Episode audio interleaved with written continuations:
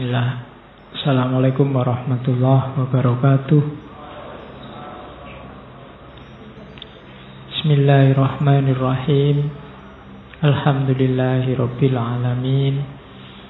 Assalatu wassalamu ala ashrafil anbiya'i wal mursalin. Sayyidina wa maulana Muhammadin wa ala alihi wa ashabihi ajma'in. Amma ba'du. Bismillah Mari kita lanjutkan Ngaji kita. Malam ini kita masuk ke Manusia alternatif yang kedua. Ya sebenarnya semua filosof Semua pemikir yang orisinil itu ya alternatif semua. Karena gagasan-gagasannya pasti baru. Tidak pernah ada sebelumnya. Tidak ada filosof besar terkenal yang bukan manusia alternatif. Manusia yang bisa menampilkan jawaban-jawaban alternatif di luar jawaban-jawaban yang sudah disepakati dan diketahui oleh umum. Jadi, kenapa sesi ini saya kasih judul alternatif yuk? Biar bisa dibedakan saja. Sebenarnya semua tokoh ya alternatif. Cuma memang tokoh-tokoh yang kita angkat bulan ini selain alternatif juga unik Oke, meskipun begitu rumusnya ngaji tetap sama. Tidak usah berharap macam-macam, dinikmati saja. Ya, karena banyak yang Wah malam ini temanya Nasruddin Mesti lucu-lucu Tidak mesti juga Ya Terus tidak usah diharap-harap kayak lucu ya syukur Tidak lucu ya wis Jadi pokoknya tidak ada harapan Karena kalau ada harapan nanti Mesti ada kekecewaan jadi biarlah apa adanya mengalir. Pokoknya buka saja dirimu lebar-lebar, buka pikiranmu lebar-lebar. Dinikmati gelombang otaknya diturunkan sedikit, jangan kaku, biar bisa masuk. Kalau dirimu sudah penuh dengan angan-angan, dengan harapan nanti Nasruddin nggak bisa masuk. Biarkan dia masuk dalam dirimu. Apa yang ditawarkan kamu nikmati. Semoga cocok. Kalau tidak cocok ya kamu muntahkan lagi. Kayak Diogenes kemarin nawani macam-macam ya. Kalau kamu cocok kamu telan. Jadikan nutrisi untuk hidupmu. Kalau tidak cocok ya muntahkan. Minggu depan ada Madam Blavatsky juga gitu. Kalau cocok ya ditelan, tidak cocok ya dimuntahkan. Itu ilmu itu begitu. Ya tidak semuanya cocok. Karena setiap orang kan konteksnya beda-beda. Kalau hidupmu sudah cengengesan sakara PDW dikasih vitamin Nasruddin nggak terlalu ampuh. Wong wis cengengesan uripmu sakarepmu sendiri.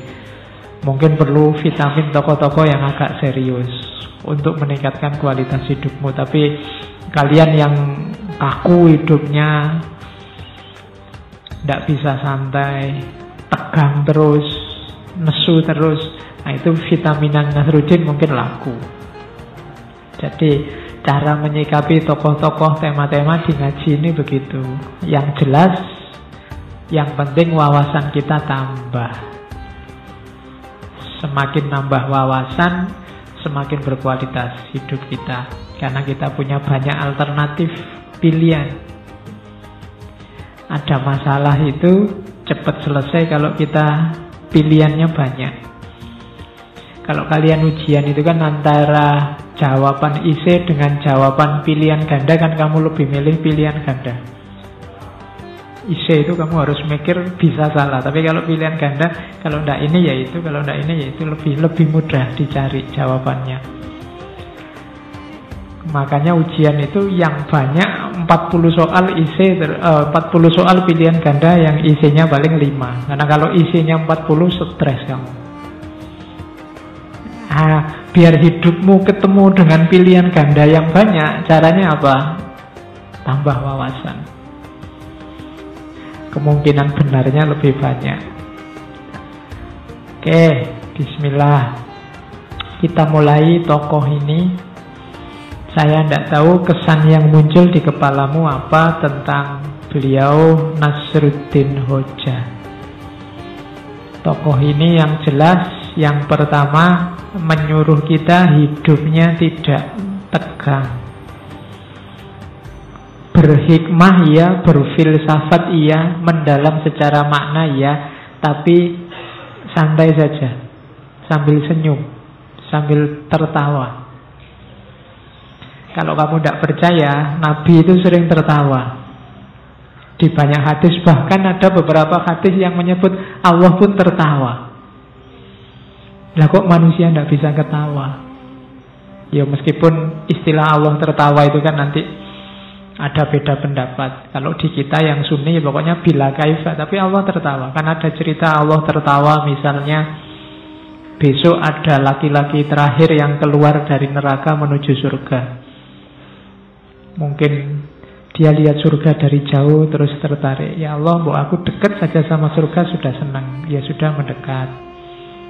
Ya Allah, saya nggak masuk juga tidak apa-apa. Nongkrong di depannya aja senang. Ya sudah silahkan nongkrong. Ya Allah kok enak ya di dalam surga kok saya masuk di pinggir-pinggir juga tidak apa-apa. Ya monggo masuk itu dan Allah ketawa lihat orang ini. Lu Allah aja ketawa. Ada ceritanya, ada hadisnya. Apalagi Nabi, Nabi banyak. Apa, Nabi itu wajahnya saja dilihat menyenangkan.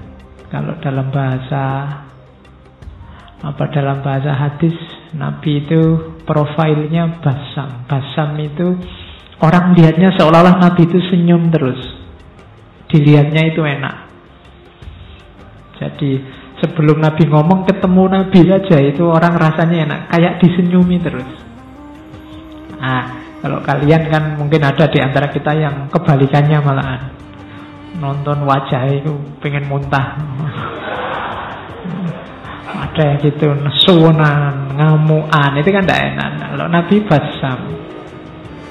Oke, kepada siapa saja. Makanya orang Islam harus bisa ketawa. Jangan ngamuk terus. Saya ngutip sedikit itu, itu sebenarnya ada di pengantarnya Nasruddin Hoja. Saya lupa profesor yang nulis, tapi itu diambil dari kitabnya Abu Hayyan At-Tauhidi Al-Bashoir wa Jangan engkau jauhkan dirimu dari mendengar sesuatu tentang kejadian sederhana yang lucu-lucu. Jadi kalian nonton yang lucu-lucu tidak apa-apa, nonton komedi tidak apa-apa. Sebab Termasuk juga yang lucu-lucu dalam hidupmu. Hidupmu itu lucu, banyak yang lucu. Cuma kamu membacanya terlalu serius. Sebab bila engkau tidak mau memperhatikannya, pemahamanmu akan picik dan watakmu menjadi kurang tanggap. Kalau kamu tidak bisa menangkap betapa lucunya hidupmu, katanya Abu Khayyan, kamu kurang peka terhadap hidupmu. Hidupmu itu lucu, ngapain kamu stres? Ngapain kamu sumpah? Itu lucu. Tidak lulus-lulus ujian, lucu. Ya kan? Kemudian apalah diputus pacar jadi ya lucu. Wong masih pacar aja diputus kamu kok nangis sampai segitunya. Lah malah enak kamu bisa nyari lagi nambah pengalaman. Kalau kamu nangis itu jadi ya lucu. Banyak yang lucu-lucu dalam apalagi Coba kamu baca peristiwa-peristiwa politik hari ini itu jadi lucu. Cuma barang lucu itu kamu kok ketemu malah marah, harusnya kan ketawa. Tapi hari ini orang membacanya jadi marah-marah.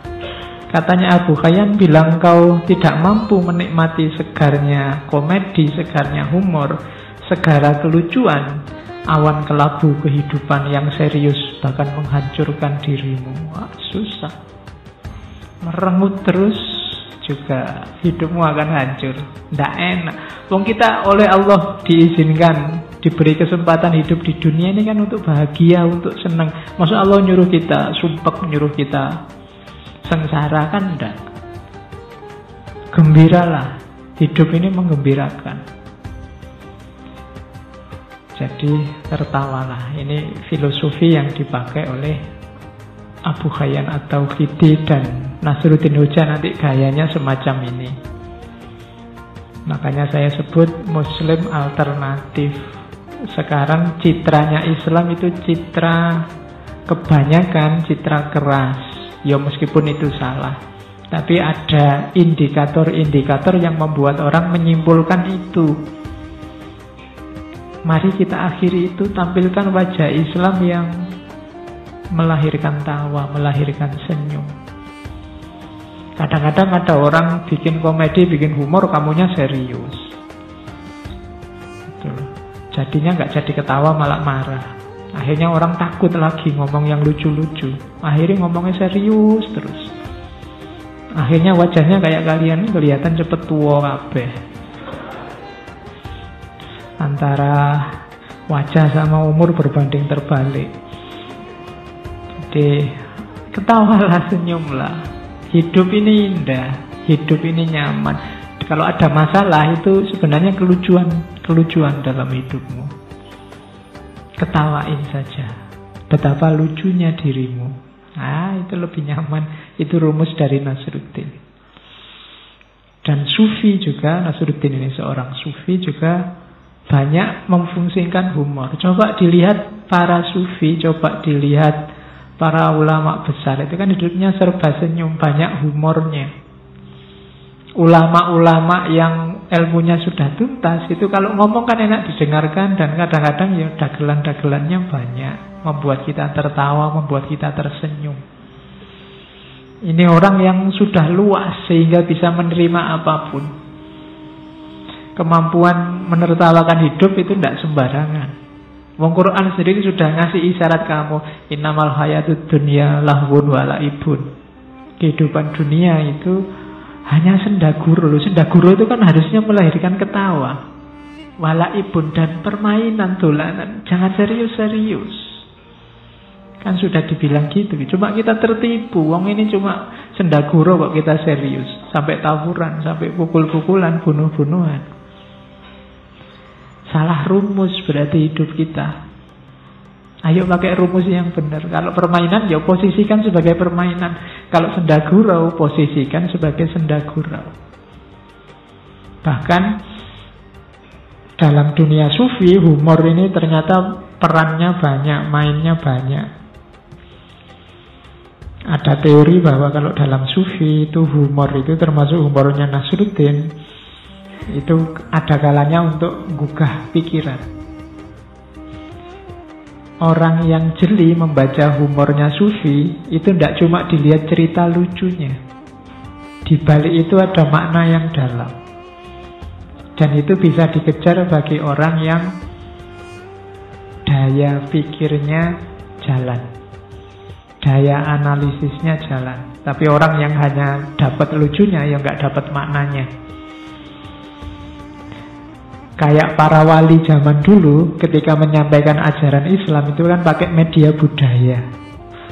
Pakai wayang, pakai model baju, pakai punokawan yang suka dagel. Itu kan media media humor. Kalau para wali yang dalang meskipun punokawan, meskipun ada semar bagongnya, ada limbuannya mungkin, tapi lucunya pasti ada maknanya. Tidak tahu maknanya pun tidak apa-apa kamu dapat ketawanya Tapi kurang dalam. Ketawanya sudah dapat Cuma dalamnya. Dulu waktu di antara yang diperdebatkan Sunan Kalijogo sama Sunan Giri kan itu Sunan Giri orangnya serius. Kalau Sunan Kalijogo maunya Ya sudah kita ambil pelan-pelan. Lah nanti kalau umat tersesat Tidak, tidak kalau tersesat Wong ini Umat Islam ini kan akalnya jalan. Lama-lama mereka juga ngerti rahasianya Lama-lama juga mereka bisa belajar sendiri, tahu yang benar. Sekarang biar mereka tertarik dulu lah pakai media-media budaya, termasuk pakai humor. Kalau ada ustadz atau ulama atau kiai ceramah yang tidak ada humornya sama sekali kan Iya, paling kamu ngantuk, paling hadir sekali dua kali, besok nyari alasan kalau diajak. Penariknya kurang. Pemicu berpikirnya kurang. Maka fungsinya humor dalam sufi yang pertama itu. Yang kedua, motivasi diri dan introspeksi diri. Orang disindir tapi dengan humor, itu ya merasa tersindir tapi tidak tersinggung. Biasanya begitu. Ya nanti ada contoh banyak di belakang karena cerita Nasruddin itu ya cerita anekdot-anekdot. Jadi orang jadinya jangan-jangan aku. Tapi kalau ditunjuk langsung hidung itu biasanya orang tersinggung meskipun dia ngerti kalau dia salah. Maka penting kamu belajar tekniknya humor. Kapan-kapan kita belajar filsafat humor ya. Banyak filosof yang punya teori tentang humor. Ada yang anti, ada yang pro. Orang serius kayak Plato itu agak, agak anti humor. Wongi serius masalahnya. Tapi kayak Diogenes kemarin, ya hidupnya itu ndagel. Mulai lahir sampai tua itu isinya ndagel, kafe kayaknya ndagel. Tapi ndagelnya kan ndak asal. Ada maknanya. Jadi humor membuat orang sadar sehingga termotivasi atau introspeksi. Yang ketiga humor itu biasanya untuk kritik. Ngeritik paling enak itu pakai humor. Jadinya orang tidak tersinggung. Berbahagialah yang kamu yang pinter humor. Tapi jangan dipaksa. Karena kalau temenmu bilang tidak lucu, itu tidak enak ya humor jangan apalan humor yang natural. Nanti kalau temenmu tidak lucu gitu. Atau temenmu mikirnya lama di karpe opo to yo. Tidak jadi humor. Mengalir saja. Nanti lucu-lucu sendiri kok. Kan saya bilang hidupmu itu banyak lucunya. Kamu ceritakan apa adanya itu sudah lucu. Ya cobaan kamu jujurlah dengan dirimu sendiri Ceritalah tentang dirimu belak-belakan 100% Jangan ditutup-tutupi. Mesti banyak aspek lucunya. Kamu mengalarm jam berapa Bangun jam berapa Dan seterusnya. Itu kan lucu kadang-kadang. Buat alarm-alarm dewe Alarmnya bunyi kamu matiin sendiri. Pagi-pagi marah-marah sendiri. Itu kan lucu. Oke. Yang terakhir dakwah ya. Kalau dalam Islam apa pun yang kamu lakukan harus bernilai dakwah. Apa sih dakwah itu yang mendorong orang melakukan kebaikan itu dakwah. Bisa lewat kata-kata, bisa lewat tindakan. Setiap muslim punya tanggung jawab dakwah. Dakwah tidak sama dengan ceramah. Jadi yang kamu lakukan itu ya kalau membuat orang jadi turut melakukan perbuatan baik itu dakwah. Makanya ada hadis man sanna sunnatan hasanatan barang siapa melakukan mencontohkan perbuatan baik diikuti orang perbuatan baik pahalanya mengalir. Sebaliknya yang melakukan perbuatan jelek diikuti orang berbuat jelek itu dosanya juga mengalir. Itu menunjukkan bahwa hidup kita ini dakwah termasuk humornya. Jadi fungsi humor kalau dalam sufi adalah dakwah, kritik, motivasi dan introspeksi dan menggugah pikiran. Nanti contohnya banyak, ini masih teori-teorinya. Sekarang kita ketemu Nasruddin. Nasruddin ini sebenarnya tokoh universal kalau kamu tanya orangnya ada ndak Pak? Yang sebenarnya ada. Cuma dia ini tokoh universal diakui di mana-mana. Orang Turki mengaku dia orang Turki, orang Afghanistan mengaku dia orang Afghanistan, yang Iran juga begitu, yang Afghanistan, yang Uzbekistan juga begitu. Namanya banyak. Ada Nas, kadang ditulis Nasruddin, ada Nasruddin, Nasruddin, Nasruddin, Nasreddin. Ya variasinya banyak. Itu kamu baca sendiri ya. Nasradin, Nasreddin, Nastratin, Nusretin, sampai ada yang terakhir itu Nazaruddin. Ya. Itu varian namanya Nasruddin. Jadi ya, cuma di Indonesia kok tidak lucu ya. Harusnya Nasruddin itu lucu. Kok di Indonesia ganti Nazaruddin nggak jadi. Gelarnya ya kita kenalnya Hoja. Hoja itu satu akar kata dengan hok. Hokha. Ya. Ada Huaji. Ada Hoja, Hoja, Hotsa. Itu ya sesuai dialek masing-masing. Artinya kalau Indonesia koyo kiai. Jadi mullah, mullah, kadang effendi atau afandi. Ada juga gelar haji. Ada di banyak tempat, banyak gelar, banyak ejaan, banyak nama. Dicampur-campur karena citra lucunya dan penuh hikmahnya, kadang rancu kalau di Arab rancu dengan tokoh Juha atau tokoh Bahlul. Kalau di Indonesia rancu dengan Abu Nawas. Abu Nawas itu penyair Orang menyebutnya penyair homoerotika. Kapan-kapan ya kita ngomong pujangga jilid 2. Kita angkat, enggak selucu yang kamu ceritakan. Cuma di Indonesia kelucuan Nasruddin itu kecampur sama Abu Nawas terus dianggapnya itu kisahnya Abu Nawas tapi Abu Nawas tidak selucu itu Abu Nawas penyair serius cuma kecampur. Indonesia nasibnya sama kayak di daerah Swahili, itu juga kecampur dengan tokoh Abu Nawas. Di Cina juga ada.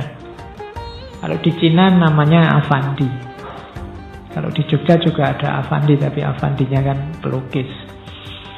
Kalau ini gelar Avandi dari bahasa Uighur, Avanti. Semuanya ngaku Nasruddin milik kita. Karena memang cerita-ceritanya universal. Ya, orangnya sebenarnya yang dimaksud itu yang lahir sekitar abad ke-13, 1200 sekian. Meninggalnya 1275, 1285. Dari daerah provinsi Eskehir, Aksehir, daerah Turki yang sebelah kanan itu makamnya. Makamnya juga lucu. Makamnya itu kayak yang sebelah itu ada gerbangnya, ada gemboknya besar, tapi belakangnya tidak ada temboknya. Jadi gunanya apa gerbang sama gembok besar itu yang masuk dari belakang itu langsung bisa ngapain ada gerbangnya. Jadi makamnya aja sudah bisa melucu. Itu Nasruddin.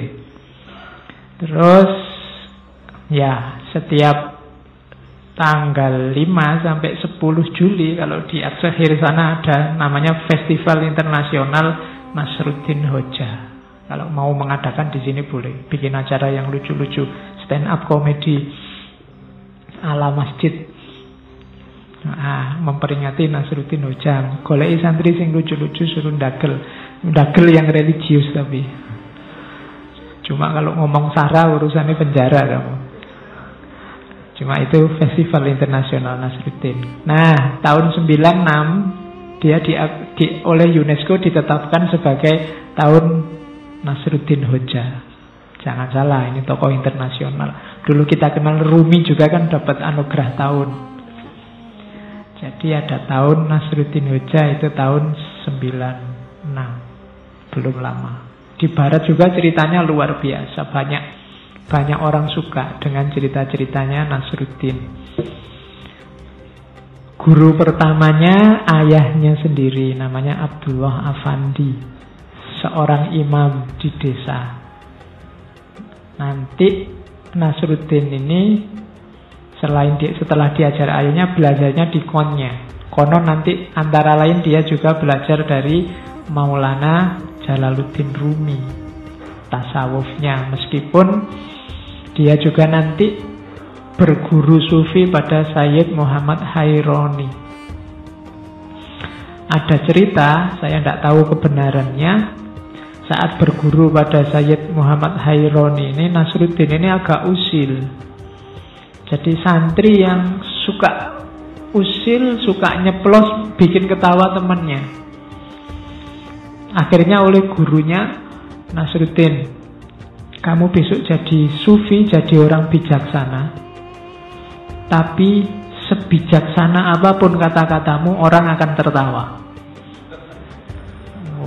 Kalimatnya gurunya ampuh ternyata Akhirnya juga begitu Dia jadi orang yang sebenarnya sangat bijaksana Tapi setiap perilakunya Setiap tindakannya membuat orang ketawa Itu Nasruddin Dan konon juga beliau hidupnya di era ketika Mongol menginvasi negara-negara Islam. Sehingga banyak cerita Nasruddin dengan Mongol khususnya dengan Timur Lain. Nanti di buku-buku banyak. Dan Nasruddin ini mungkin suka mengembara. Ada beberapa cerita beliau ke mana-mana dari Rusia sampai Cina sehingga cerita tentang Nasruddin ini tersebar di mana-mana orang ngertinya Nasruddin ini pokoknya sufi yang lucu Kata-katanya dan perilakunya penuh hikmah, tapi orangnya lucu menyenangkan. Kenalnya begitu. Sosoknya di catatan saya ada enam ini. Dia ini seorang mullah. Mullah itu berarti ulama, orang khusus, orang khawas, tapi sehari-hari pura-pura jadi orang bodoh, pura-pura jadi orang awam. Gayanya pokoknya itu dia ini orang yang tidak masuk di klasifikasinya Ghazali. Kalau Ghazali kan ada orang pinter tapi tidak tahu kalau dia pinter. Ada yang empat itu. Tapi Ghazali nggak punya klasifikasi orang pinter yang pura-pura bodoh. Makanya saya sebut alternatif tidak ada. Yang banyak kan orang bodoh pura-pura pinter. Ini kebalikannya, orang pinter tapi pura-pura bodoh. Dan kalimatnya, kata-katanya, perilakunya lucu. Orang paling awam bisa tertawa, tapi hanya orang yang paham, yang mau berpikir dalam, yang bisa menangkap maksudnya. Kamu baca ceritanya mesti ada buku kumpulan humor sufi ceritanya Nasruddin itu kamu mesti ketawa. Tapi coba satu-satu cerita kamu jelimeti, kamu renungkan, nanti ada makna yang dalam di situ. Malam ini kita coba semacam itu. Kemudian yang keempat, Nasruddin ini pemberani. Dia tidak takut ketemu Timur Leng, dia tidak takut ketemu ngeritik tetangganya sendiri, ngeritik masyarakatnya, ngeritik tradisi. Dia ingin ngomong-ngomong aja. Timur Leng yang sangat ditakuti itu satu ketika kalau ketemu Nasruddin Nasruddin, kamu kan dipercaya masyarakatmu. Menurutmu, hargaku ini kalau dijual berapa katanya Timur Leng? Jawabannya Nasruddin. Ya kalau saya lihat sampean ini ya paling harganya tidak nyampe seribu dinar. Ketawa Timur Leng, lah kok bisa? Aku ini Raja Timur dan Barat, hargaku nggak nyampe seribu dinar. Bajuku aja hampir seribu dinar. Lah iya, saya cuma menilai bajunya sampean. Itu kan mau nyindir sampean tidak ada harganya. Yang ada harganya bajunya. Oh itu kamu ngomong kayak gini di depan presiden bisa wassalam. Tapi kalau Nasruddin tidak, karena orang tahu seperti apa kualitas seorang Nasruddin. Oke. Nah, ikon di mana-mana gambar Nasruddin itu sebagian besar seperti ini. Jadi gambar Syekh Maulana naik keledai tapi menghadap ke belakang. Biasanya ilustrasinya dia ini ngadep ke belakang karena diikuti murid-muridnya yang di belakang. Itu kan lucu, kamu lihat saja lucu, tapi sebenarnya ya ada maknanya. Yang pertama, Sebenarnya ini simbol. Simbol apa? Yang pertama membelakangi dunia. Setiap orang biasanya hidupnya ingin menguasai dunia, ingin menggenggam dunia. Para sufi ingin membelakangi dunia. Nasruddin ini seorang sufi, maka dia ingin membelakangi dunia.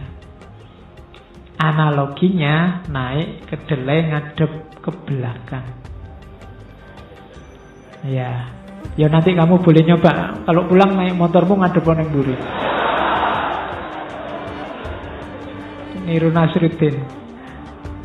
Yang kedua itu isyarat bahwa Nasruddin sudah bisa menguasai egonya. Dibiarkan saja keledai itu jalan sendiri. Di arah yang tepat. Jadi tidak perlu dituntun. Kenapa orang ngedep ke depan kan ingin mengarahkan kudanya, mengarahkan keledainya. Tapi kalau kudanya, kudanya keledainya sudah terkontrol, sudah pinter, tidak perlu capek-capek dikontrol. Maka simbolnya dia ngadep ke belakang, nggak mungkin kesasar, wong sudah dikuasai keledainya. Yang ketiga, tadi kan ceritanya biasanya di belakangnya ada murid-muridnya. Dia tidak ingin membelakangi murid-muridnya. Dia tidak ingin kelihatan lebih menonjol dibandingkan murid-muridnya. Dia tidak ingin disebut orang yang nomor satu, yang punya kelebihan. Makanya gambarnya naik keledai menghadap ke belakang. Jadi itu gambarnya lucu, kesannya juga lucu, tapi maknanya dalam. Kamu ketemu makna semacam ini dari mana? Yuk mikir logikanya tidak jauh-jauh dari logika para sufi. Karena Mullah Nasruddin ini seorang sufi. Gambar ini mengisyaratkan kuncimu bahagia adalah kamu tidak jatuh cinta sama dunia. Membelakang itu kan berarti kamu tidak jatuh cinta. Menguasai egomu. Kemudian tidak merasa besar, tidak merasa lebih, tidak merasa sombong. Maka hidupmu akan bahagia. Jadi ikonnya itu. Ya nanti kamu pesen stiker yang gambar itu biar ingat bahwa kamu harus membelakangi dunia. Di banyak patungnya beliau memang ngadep ke belakang meskipun ada beberapa patung yang ngadep ke depan. Tapi citranya adalah citra menghadap ke belakang. Terus cerita-cerita tentang Nasruddin itu sebagian besar adalah kritik untuk memperbaiki masyarakat. Jadi biasanya Nasruddin yang dikritik disindir oleh Nasruddin itu moralitas penguasa. Yang kedua moralitas rakyat, moralitas masyarakat. Biasanya orang itu 50-50. Kalau berani mengkritik penguasa, biasanya tidak peka terhadap kebobrokan masyarakat atau sebaliknya. Tapi kalau Nasruddin tidak peduli. Kalau salah ya salah, kalau jelek ya jelek. Kemudian yang dikritik kejumutan berpikir. Orang yang mikirnya kaku. Biasanya terus lucu. Orang yang mikirnya kaku itu. Sama kayak orang yang kaku dengan budaya, dengan tradisi. Tidak berubah-berubah dari dulu sampai sekarang, padahal situasi berubah itu biasanya terus jadi lucu. Formalisme beragama itu nanti lahirnya juga lucu. Beragama secara kaku. Makanya hidup ini banyak yang lucu di sekelilingmu. Dan itu yang disindir oleh Nasruddin. Katanya manusia itu intelektual makhluk paling tinggi, paling mulia. Tapi perilakunya ternyata membuat orang tertawa. Dan itu dibuktikan langsung oleh Nasruddin. Cirinya ini, kritik dan sindirannya Nasruddin. Nah, kalau ingin jadi Nasruddin, bangun with view 1, 2, 3, 4, 5, 6. Enam cara hidup, cara berpikir. Yang pertama, Nasruddin ini hidupnya susah. Sering ketemu kemalangan, kesulitan. Tapi dia mengelola semua penderitaan, kesumpekannya jadi tertawa. Nanti kamu coba ya, kamu punya masalah apa saja, kamu sikapi itu dengan tertawa. Kok lucu ya aku ini, kok lucu ya dunia ini, kok lucu ya masyarakat ini, kok lucu ya politik itu, kok lucu ya KPK itu. Misalnya ada koruptor ketangkap dada-dada sambil ketawa itu kan, oh itu. Iya, koruptor-koruptor ternyata gayanya wis kaya Nasruddin. Wong dapat masalah besar, penjara menanti masih bisa dada-dada dan ketawa. Oh itu kan kamu ketawakan juga kan ketawanya mereka itu gaya Nasruddin. Kamu ada masalah apa pun tertawa. Misalnya kamu nonton TV, nonton artis kok cakep-cakep ya. Aku pingin lo punya pacar kayak gitu. Terus kamu ngaca, terus kamu ketawa. Iya ya, aku koyong ini kok mimpinya kayak gitu misalnya terus kamu tertawa, tidak apa-apa. Jadi ada, itu kan penderitaanmu. Nah, rumusnya Nasruddin, penderitaan diubah jadi tertawa. Jangan terus sumbak stres, kalau stres kamu susah nanti. Ketawa, dinikmati. Sholat subuh jam 7, ketawai dirimu. Ya kan, kok ya lucu yo aku ini ini ngaku anak soleh tapi sholat subuh jam tujuh. Itu kan lucu hidup. Ah, kayak Nasruddin begitu. Terus kayak Nasruddin yang kedua, pura-pura bodoh, jangan ngaku pinter.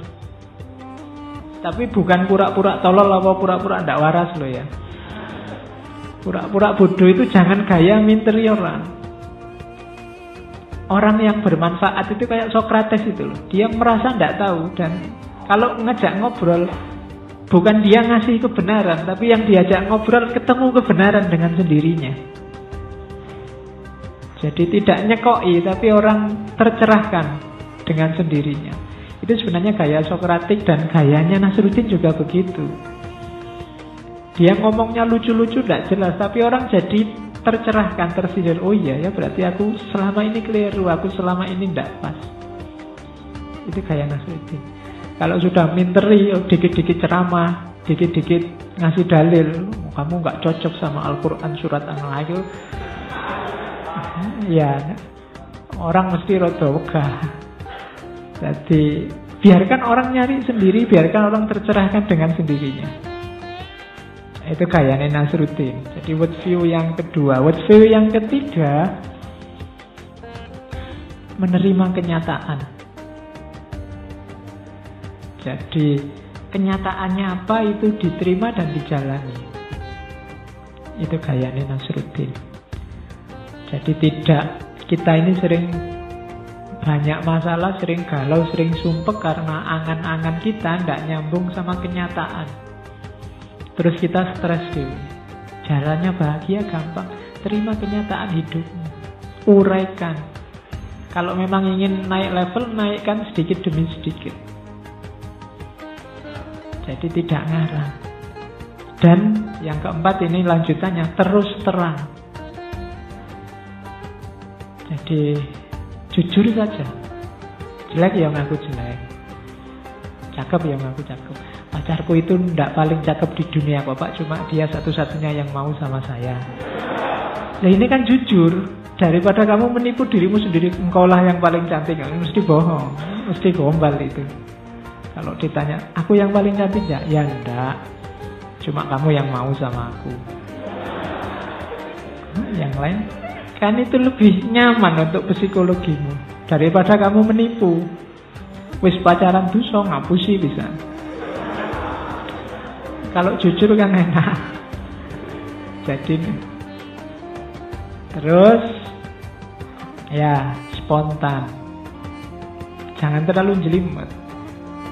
Jadi fakta, kebenaran itu kalau hasil dari penjelimetan itu sebenarnya mungkin Tidak benar itu. Biasanya hal-hal yang tidak benar kamu bulet-buletkan akhirnya jadi benar. Makanya ada prinsip kalau di Ghazali berpikir ciri berpikir yang benar itu at-tabadur faham. Langsung orang bisa paham. Kalau masih butuh penjelasan panjang lebar itu biasanya perlu dicurigai. Masih perlu justifikasi-justifikasi. Yang lebih simpel biasanya lebih mudah dipahami, lebih mendekati kebenaran.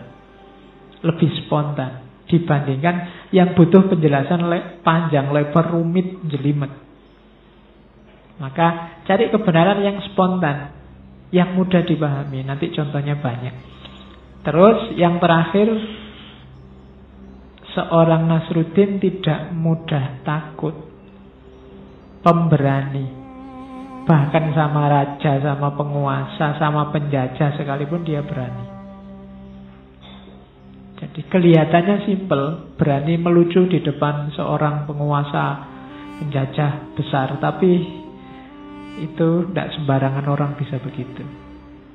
Itu yang bikin gentar para penguasa kayak Diogenes kemarin. Jadi pemberani cirinya. Jadi berani terus terang melihat kenyataan apa adanya, kemudian tidak merasa pinter, tidak merasa tinggi, kemudian melihat realitas dengan senyum, dengan tawa. Melihat persoalan dengan cara tertawa. Dari situ kalian akan ketemu seorang Nasruddin. Jadi hidup yang santai. Oke, sekarang kita mulai ke ide-ide lucunya Nasruddin. Catatan saya cerita-cerita yang beredar tentang Nasruddin di mana-mana itu jangan dianggap itu persis ya kayak gitu cerita hidupnya Nasruddin. Nah, jadi kalau bahasa Inggrisnya fabricated and multiplied by type. Jadi itu dibikin oleh para penggemarnya Nasruddin. Cuma alur, model, dan tipenya sama. Jadi cerita ini ya memang dibuat. Cuma Ya kayak gitu Nasruddin itu dulu. Terus diilustrasikan versi-versi versi orang Indonesia, versi orang Turki, versi orang. Tapi narasinya rata-rata sama. Cuma dibikin sesuai lokal masing-masing. Jadi jangan dianggap persis begitu ceritanya. Enggak. Tapi visi atau misi semacam itulah yang dibawa dengan segala kelucuannya oleh seorang Nasruddin dalam hidupnya. Jadi yang pertama itu. Jadi tidak usah ditanya, itu kejadian benar apa Pak? Apa fiktif? Mungkin fiktif kejadiannya, cuma misi pesan yang dibawa oleh Nasruddin dan gaya lucunya memang begitu. Jadi orang kan nggak bisa detail cerita satu-satu. Nasruddin bukan nabi. Kalau nabi kan diriwayatkan an-an siapa. Kalau Nasruddin kan enggak. Orang ceritanya semacam folklore aja cerita-cerita rakyat. Kayak cerita kancil itu loh, kamu kan nggak tanya, beneran boh, kancilnya ada di mana sekarang? Itu kancil kelahiran tahun berapa yang nyuri timun itu kan nggak begitu. Tapi kamu ngambil hikmah rahasia di balik cerita itu kan begitu. Nah, tentang Nasruddin juga begitu. Yang kedua, misinya cerita-cerita itu biasanya misi humanistik misi pertama. Jadi biasanya yang dibawa adalah kegembiraan, menikmati hidup, menunjukkan betapa hidup ini beragam. Ini kesadaran tiga ini aja kalau kamu punya kamu sudah luar biasa. Hidup yang gembira, hidup yang nikmat, sadar bahwa hidup ini macam-macam. Ini sudah bekal luar biasa dirimu untuk bisa bahagia. Jangan hidup yang murung. Orang murung itu, orang pesimis itu biasanya melihat aspek negatif apa pun yang kamu alami. Kalau orang pesimis, orang gembira itu melihat sesuatu secara gembira. Tidak lulus mata kuliah kalau orang gembira. Wah, alhamdulillah tidak lulus bisa belajar lagi. Wong aku belum ngerti apa-apa. Itu kan gembira. Jadi masih bisa tertawa meskipun tidak lulus. Kok semuanya tidak lulus? Wah, alhamdulillah berarti diingatkan. Iya, tidak ada yang tidak bisa kamu baca secara gembira. Paling mentok adalah Allah wong ini urusan dunia aja ngapain sumpek-sumpek amat. Itu kan simple. Paling mentok kan ke situ kamu. Tidak ada alasan untuk tidak gembira.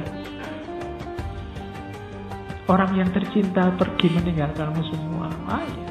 Dia malah nyaman berangkat duluan, tidak ngalami sumpeknya pilkada 2019 dan Pilpres 2019 juga misalnya. Itu kan bisa bikin Alhamdulillah kita yang lebih sumpek ini yang tidak berangkat. Nah itu kan melihat segalanya dari perspektif yang menyenangkan. Tidak ada kok hidup yang gelap total atau terang total. Tergantung caramu melihat. Setiap orang punya masalah setiap orang juga punya sisi gembira dalam kehidupannya Orang yang paling sengsara sekalipun ada sisi gembiranya. Ya kamu sendiri kan contohnya. Coba renungi hidupmu kan masih banyak aspek-aspek yang layak kamu syukuri. Hanya saja kamu tidak sadar. Orang biasanya lebih fokus pada masalahnya yang bikin dia galau. Padahal di luar itu fasilitasmu luar biasa dikasih oleh Allah. Untuk bisa gembira, kamu butuh yang kedua, menikmati hidup apa adanya. Untuk bisa menikmati hidup apa adanya, kamu butuh yang ketiga. Sadar bahwa hidup ini macam-macam dan dinamis. Orang yang tidak sadar bahwa hidup ini bisa macam-macam dan dinamis, biasanya tidak bisa menikmati hidup. Karena sekeliling dia pasti beda dengan dirinya, pasti tidak sama dengan dirinya. Tiap hari sumpek nyari mana yang paling benar, mana yang paling lurus, mana yang paling tidak bisa. Tiga-tiganya berkait. Hidup secara gembira, caranya apa? Terima hidupmu. Untuk bisa menerima hidupmu, sadari bahwa hidup itu macam-macam dan dinamis. Itu misi besarnya Nasruddin. Yang kedua pasti misi sufi, kesufian. Yang jelas yang pertama kayak gambar keledainya menertawakan dunia. Jadi menertawakan yang sementara. Wong sementara ke orang seserius itu kayak selamanya dan meremehkan dunia. Ini kalau diucapkan kelihatannya wow tapi dijalankan susah. Nggak gampang orang meremehkan dunia itu karena kita kan butuh dunia pak. Karena jawabnya mesti begitu. Ya butuh sih butuh tapi tidak penting-penting amat. Kalau kamu sudah bisa bilang ke dunia, wahai dunia kamu tidak penting-penting amat kok. Itu berarti kamu sudah dekat ke dunia sufistik. Sudah mulai jiwamu bisa jatuh cinta sama Allah. Tapi kalau kamu masih banyak terpesona, kalau doamu masih baunya sangat dunia, masih yang kamu minta puncaknya adalah kesuksesan duniawi, berarti masih belum. Jadi Tertawakan dunia dan remehkan dunia. Jangan mau ditipu oleh dunia. Itu di antara misi cerita-ceritanya Nasruddin. Kemudian menghindari keterikatan kepada yang materi-materi. Keterikatan kita pada yang materi itu lucunya luar biasa. Ada yang terikat oleh merek, ada yang terikat oleh warna baju, warna celana. Ada yang terikat oleh barang.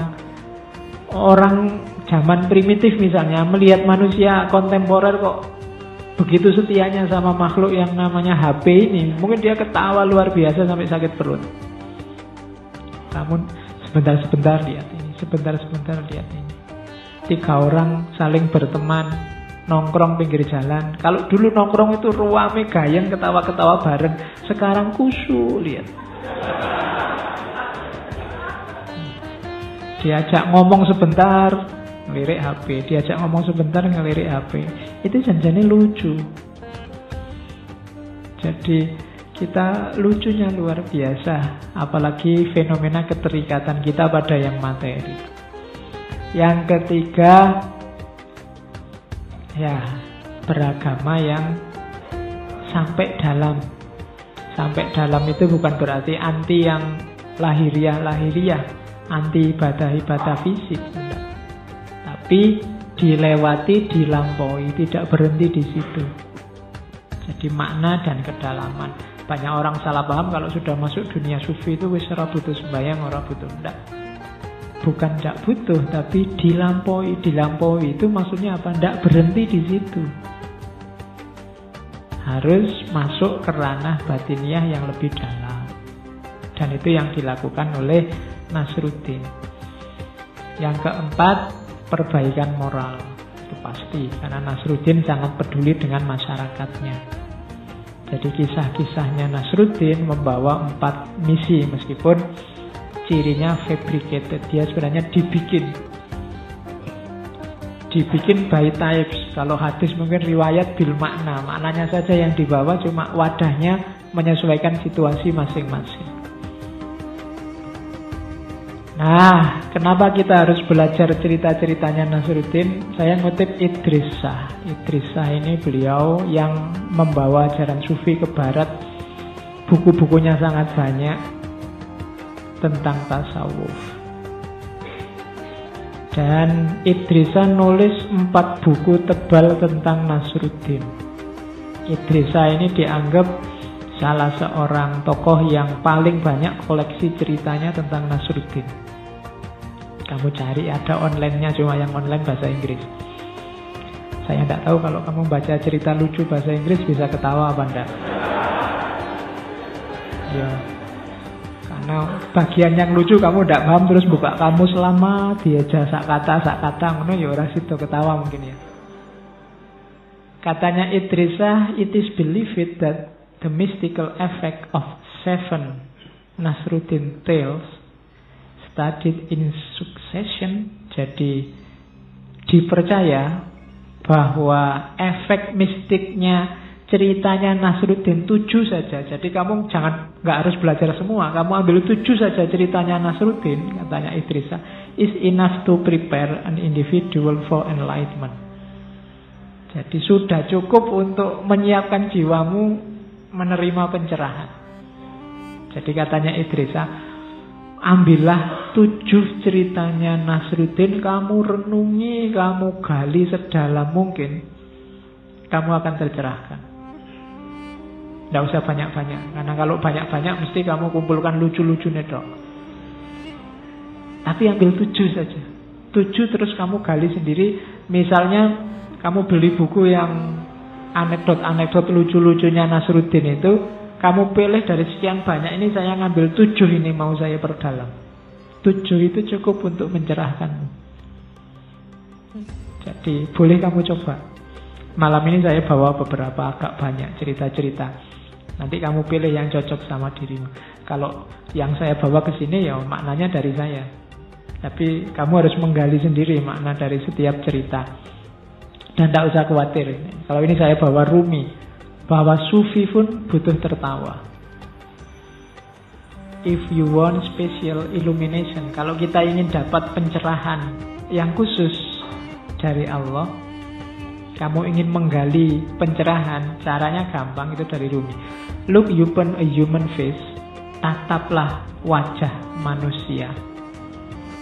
See deeply, tatap sedalam-dalamnya, within laughter, di balik tertawanya, The essence of ultimate truth. Ada hakikat kebenaran yang sejati.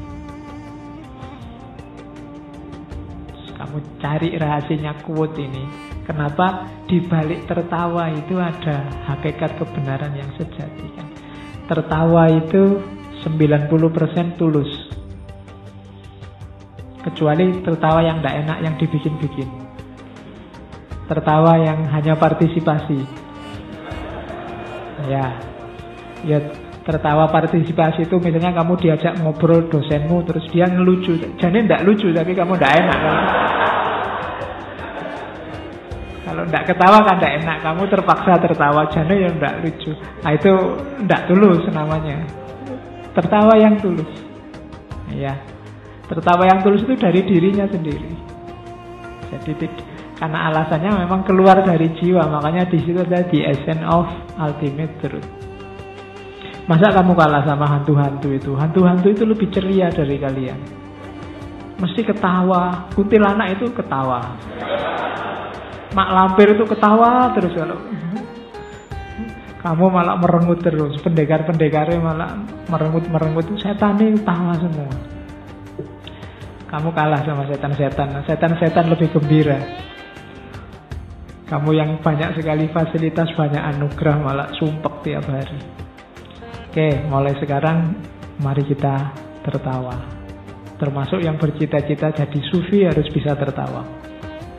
Jangan serius terus, mentang-mentang belajar tasawuf terus kamu wajahmu serius terus. Ada apa-apa, astagfirullah, subhanallah. Yo, santai lah bro. Terus, nah kita masuk ke anekdot-anekdot ya. Ini anekdot terkenal sekali. Ajaran pertama dari Nasruddin.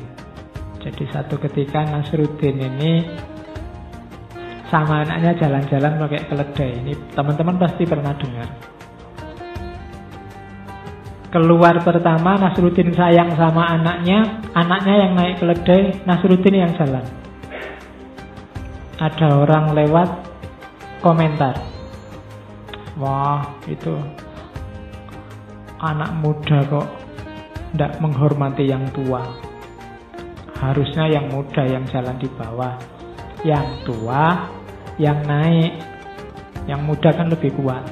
Akhirnya ganti posisi. Nasruddin yang di atas. Anaknya yang jalan di bawah. Jalan beberapa langkah lagi sama keledainya. Ada yang komentar lagi. Wah, yang tua itu tidak tahu diri dia enak-enakan. Naik keledai. Anaknya suruh jalan kaki. Akhirnya sumpek lagi. Sudahlah, Naik bareng-bareng aja, anaknya di pangku. Jalan berdua. Jalan berapa langkah, ada yang komentar lagi. Wah, ndak punya peri kebinatangan itu. Masa keledai seringkih itu dinaiki berdua. Apa yo ndak punya rasa sama sekali. Sumpek lagi.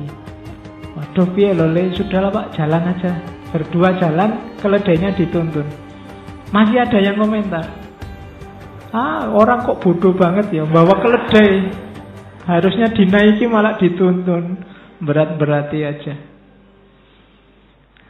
Oke, itu ya dibalik itu sebenarnya sudah bisa diraba ajarannya yang pertama. Kenapa kok Nasruddin dan anaknya bingung? Karena dia tidak percaya diri. Dengan kebenarannya sendiri. Tidak punya keyakinan. Kalau kita mendengarkan komentar orang, padahal kita sudah merasa benar, kok hasilnya kita bingung, kita mirip ceritanya Nasruddin ini. Wong tadi di awal sudah yakin, hanya dengar komentarnya temenmu yang satu itu atau musuhmu yang satu itu, sekarang kamu goyah. Padahal di situ ajaran utamanya apa? Benar atau salah, pantas atau tidak pantas, itu kan perspektif. Yang paling baik sekalipun bisa kamu bunyikan jeleknya. Yang jelek bisa kamu bunyikan baiknya. Tergantung caramu membaca. Kalau ada temanmu rajin ke masjid, bisa kamu sebut dia ala pamer. Aku soleh tapi tidak tak pamer-pamerin gitu. Ya kan bisa bayang mono. Ya kan? Bisa kamu bunyikan jeleknya. Ada temanmu lulus paling awal kumlot, alah lulus kumlot nggak jaminan masa depan. Oh iya kan? Akhirnya kamu yang kumlot nggak jadi seneng. Tapi kalau kamu nggak yakin dengan kebenaranmu sendiri, tiap hari hidupmu akan sumpah. Dan itu pelajaran luar biasa dari Nasruddin. Ya harus punya prinsip dong. Tidak semua omongannya orang didengarkan. Itu Nasruddin terus nasihati anaknya, nak, nanti kalau kamu memiliki keledai, Jangan pernah mencukur bulu ekornya di depan orang lain. Beberapa akan berkata, kamu memotong terlalu banyak. Sementara yang lain berkata, kamu memotong terlalu sedikit. Jika kamu ingin menyenangkan semua orang, pada akhirnya keledaimu tidak akan punya ekor sama sekali. Kan sindiran untuk kita hari ini. Kalau kita galau hanya gara-gara komentarnya orang, ya kita bunuh diri sendiri. Hari ini kan dunia kita dunia perkomenan. Facebook, WhatsApp, Instagram, Twitter itu bahkan berita itu kan di sini komen kamu lihat kadang-kadang berita nggak kamu baca langsung kamu jujuk komennya ya kan nasihatnya Nasruddin kalau kamu sibuk dengan komentar orang kamu bunuh diri pada akhirnya kudamu tidak akan punya ekor itu cerdiknya pinternya Nasruddin ada cerita yang tidak saya bawa ke sini jadi satu ketika Nasruddin ini sama Timur Leng diadu sama filosof terkenal. Pokoknya filosof ini pinter, tidak bisa kalah. Jadi Timur Leng undang Nasruddin, katanya kamu ini orang bijaksana. Ayo kalau bisa, tandingi itu, filosof terkenal itu. Nasruddin, oke okay, boleh, besok ya di tengah alun-alun. Iya wis, tidak apa-apa. Jadi satu setelah ketemu filosofnya pertama ngangkat satu jari telunjuk ini. Terus Nasruddin jawab dua jari. Geleng-geleng filosofi wah bisa jawab. Terus diangkat tiga jari. Nasruddin jawab empat jari. Geleng-geleng pinter ini orang katanya orang itu. Ya sudahlah, terus bawa telur ditunjukin telur oh, katanya Nasruddin ya kebetulan Nasruddin bawa bawang orangnya juga geleng-geleng kok Ison jawab terus ya akhirnya saya nyerah raja. Pinter ini Nasruddin aku tidak bisa. Semua yang ini ngomong apa tuh orang berdua ini? Kok cuma ngasih isyarat sekarang yang satu nyerah? Katanya filosof itu ini Nasruddin ini pinter.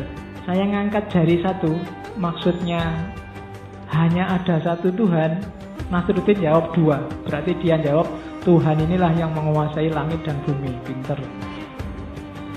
Saya jawab tiga, tiga ini maksudnya manusia ini hidup di tiga dunia. Sebelum lahir, saat di dunia, dan setelah mati. Nasruddin bisa jawab empat Empat ini berarti dia tahu yang saya masuk manusia dan manusia itu punya empat unsur. Yang pertama air, api, udara, dan angin. Saya putus asa, tak. Untung saya bawa telur, tak tunjukin telur. Maksud saya telur ini menunjukkan kuningnya adalah buminya, putihnya adalah langitnya. Kok yuk dia bisa ngasih bawang? Bawang ini simbol dari bahwa banyak lapisan-lapisannya langit seperti bawang. Wah, dia pinter berarti. Semua tepuk tangan. Terus rajanya, eh Nasruddin, kamu kok sepinter itu? Tadi yang kamu pikir apa? Saya itu, waktu dia ngasih satu jari, itu kan ngancam saya itu. Jadi, katanya Nasruddin, karena dia ngancam saya, ancam pakai dua jari, tak culek matamu.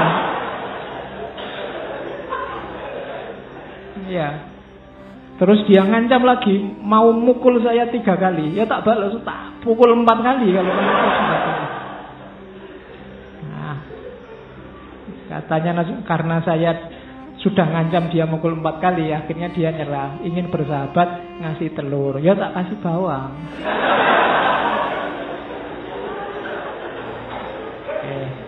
Jadi jadi yang satu mikir makanan sama tawuran, yang satu mikir filosofi kelas tinggi. Jadi itu ya itu sindiran luar biasa bagi yang ahli filsafat. mikirin jelimet-jelimet ternyata maknanya ya simpel, sederhana. Tidak seruat yang dibayangkan. Oke, cerita pertama. Cerita kedua. Ini ceritanya Nasruddin waktu dia jadi kodi di pengadilan. Ini banyak dipakai di cerita-cerita humor. Tapi sebenarnya maknanya dalam. Jadi waktu ada kasus Nasruddin yang jadi hakimnya. Yang pertama nuntut jaksanya. Jaksa nuntut macam-macam dengan argumennya terus Nasruddin melihat jaksa itu, iya, menurutku engkau benar. Terus pembelanya datang. Oh, bisa, dia salah bla bla bla bla. Terus Nasruddin lihat yang pembela, menurutku engkau juga benar. Ah, terus dua-duanya komplain. Lah kok bisa? Saya benar, dia benar kan harusnya satu benar, satu salah. Ah, kau juga benar ngomong gitu. Jadi jadi ini benar itu benar. Yang menyanggah dua-duanya juga benar. Itu kan ya memang lucu tapi dibalik itu ada rahasianya. Itu di catatan saya konflik itu kebanyakan kalau kita jeli bukan antara benar dan salah. Kalau antara benar dan salah itu gampang. Tinggal kamu milih yang benar. Tapi yang bikin susah itu apa? Seringkali konflik itu antara yang benar dan yang benar. Yang ini benar, yang itu benar. Itu butuh kebijaksanaan khusus untuk milih yang pas dari dua kebenaran itu. Dan Jangan khawatir apa pun yang kamu pilih Insya Allah kamu jatuhnya pada kebenaran. Dua-duanya sama-sama benar Tinggal kamu putuskan yang mana. Jadi tidak perlu harus gegeran. Wong podo bener. Kamu milih calon A Ya bener wong dia mencalonkan diri dan kamu pilih Kamu milih calon B juga begitu. Tidak ada yang salah. Jangan membuat kesalahan baru dari dua hal yang sebenarnya sama-sama benar. Itu filosofinya. Yang kedua, bagi saya hati-hati kalau memutus karena dua hal yang benar. Yang itu menurut perspektifnya sana sini benar situ benar, maka keputusan hukum itu tidak bisa didasarkan pada keyakinan kebenaran masing-masing. Kalau dasarnya keputusan itu keyakinan aku benar, itu mungkin maling itu jangan dihukum, dia yakin benar. Koruptor itu punya alasan, mungkin dia yakin dirinya benar. Maka tidak boleh menghukumi dengan dasar, oh aku yakin benar kok. Di situ gunanya hakim yang tidak bisa sembarangan. Dan yang ketiga, kenapa orang protes tadi Nasruddin bilang kau benar, ini benar, itu juga benar. Karena biasanya orang mengharapkan kebenaran itu satu tunggal utuh, tidak ada tandingannya, ideal. Dan dalam hidup agak mimpi kita untuk ketemu yang semacam itu. Susah loh nyari kebenaran yang sempurna ideal itu. Jadi disindir oleh Nasruddin, loh itu ya benar, ini juga benar. Engkau yang komplit juga benar. Masing-masing ada sisi kebenarannya sendiri-sendiri. Jadi anekdot ini ada rahasianya maka pakailah anekdot ini untuk kalau ada orang berkonflik. Jadi biasanya ya rata-rata ya semuanya benar, cuma keputusannya tidak pada keyakinan kebenaran masing-masing. Nanti hakim yang menentukan. Nah, itu anekdot yang selanjutnya. Kalau ini cermin. Ini juga lucu. Nasruddin ketemu Timur Leng. Jadi ini Timur Leng ini nguji Nasruddin. Semua orang kan bilang bahwa engkau manusia pinter, bijaksana, bisa menyingkap kegelapan. Banyak orang terpesona oleh dirimu, engkau orang yang ajaib. Terus Nasruddin berdiri sambil membusungkan dada. Saya memang begitu. Nah, Rojone ini mangkel melihat kesombongan Nasruddin, dia jadi marah. Ya wes, kalau kamu ngaku orang hebat sekarang tunjukkan seperti apa wajahnya setan. Nasruddin terus ngambil cermin. Eh, Paduka ke sini. Ada di sini loh wajahnya. Coba lihatan sendiri. Itu kan kelihatannya lucu, tapi nanti kalau raja itu datang lihat cermin, yang kelihatan wajahnya siapa? Wajahnya raja itu sendiri. Jadi cerita ini lucu tapi di balik itu ada rahasia-rahasia juga. Kelihatannya melecehkan rajanya, tapi ada rahasianya. Yang pertama apa? Setan itu menguasai kita kalau kita marah. Maka begitu tadi rajanya marah karena kesombongan Nasruddin, setan menguasai dia. Jadi oleh Nasruddin dikasih cermin. Kalau ingin lihat setan, ngoco. Sampean yang marah itu wajahnya ada di sini. Sedang dikuasai oleh setan. Kemudian yang kedua maknanya jangan kesusu menghakimi. Jangan-jangan kita juga sama jelek. Ya Nasruddin sombongnya tadi ya bikin manggel. Tapi marahnya raja juga tidak pada tempatnya. Itu rahasianya apa lu? Kamu yang marah sama orang yang jelek sama dirimu. Ketika kamu marah, levelmu jadi sama. Ada orang maki-maki, kemudian kamu balas dengan maki-maki karena dia maki-maki pak jelek itu. Memang mulutnya nggak bisa dijaga. Loh, ketika kamu kayak gitu, levelmu sama. Kamu sekarang sejajar dengan dirinya. Nah itu dari anekdot ini. Jadi hati-hati, jangan-jangan kita ada di level yang sama dengan orang yang kita kritik. Dan yang ketiga, ini nasihat praktisnya. Kalau ada orang sombong, kalau ada orang marah, dan lain sejenisnya, solusinya satu. Ambillah cermin. Iya. Kalau kamu lagi marah, kalau kamu lagi sombong, kalau kamu merasa sedang melakukan kejahatan-kejahatan hati, bercerminlah, bercerminlah itu maksudnya muhasabahlah. Lihat kembali dirimu. Itu makna dalamnya. Jadi kalian kalau besok ada tugas untuk khutbah Jumat, ambil satu anekdotnya Nasruddin terus ceramahmu pakai materi itu. Karena ternyata maknanya dalam. Kelihatannya lucu tapi dibalik itu mana? Kalau semula kan kalian membacanya cuma lihat lucunya saja. Tapi ternyata dibalik yang lucu itu maknanya dalam. Ada lagi yang saya bawa ini. Ini tentang keberuntungan. Satu hari ada orang debat sama Nasruddin, tidak selesai-selesai terus bilang gini. Oke Nasruddin, kita ambil koin untuk menentukan siapa yang benar. Terus Nasruddin jawab, oke, okay, kalau gambar kepala katanya Nasruddin, aku menang. Tapi kalau gambar ekor, kamu kalah. Oh itu, kalau dipikir dalam kan menang-menangan itu Nasruddin. Jadi apa pun yang terjadi ya sing menang Nasruddin. Karena kalau gambar kepala Nasruddin menang, kalau gambar ekor temennya kalah, tidak pedoi. Oke, Ya ini sindiran bahwa kalau orang cerdas itu selalu bisa punya cara untuk menang. Yang paling kelihatan itu. Cuma ada nasihat kedua. Bahwa kadang-kadang dalam hidup ini apa pun yang terjadi kita tidak mungkin menang. Kayak temannya Nasruddin tadi. Kenapa begitu? Karena rumusnya sejak awal sudah salah.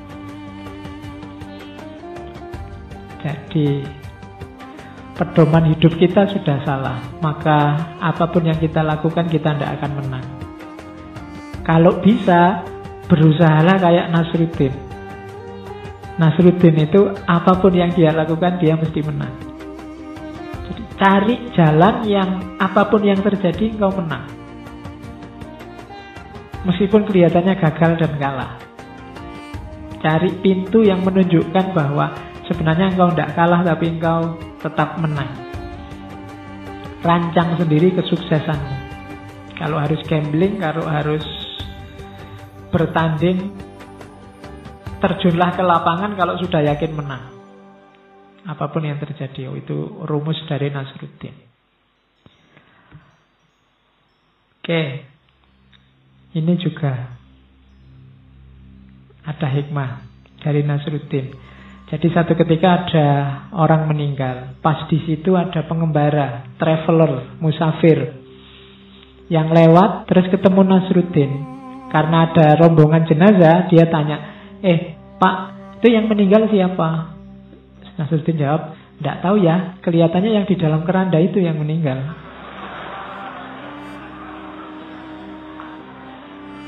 Nah, ya, itu kan lucu. Ya yang jelas rahasianya yang pertama ya Nasruddin jujur. Ya dia tahunya itu. Tidak tahu detailnya. Ada lagi yang lebih dalam sebenarnya. Apa rahasia yang lebih dalam? Kalau orang sudah meninggal, identitas dan status saat ia hidup tidak penting lagi. Apakah itu yang meninggal Pak Lurah, apa Pak RT, Pak RW, apakah yang meninggal Presiden, tidak penting lagi. Statusnya sudah sama sekarang, jenazah. Ada yang lebih dalam lagi yang ketiga.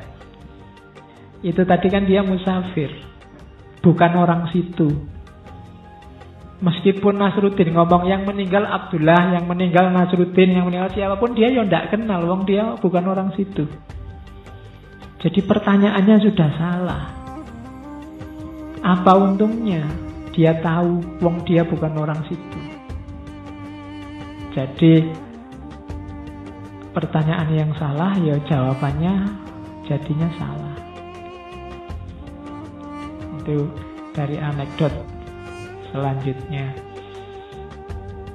Nah, ini yang paling banyak diceritakan tentang tetangganya yang mau pinjem keledai.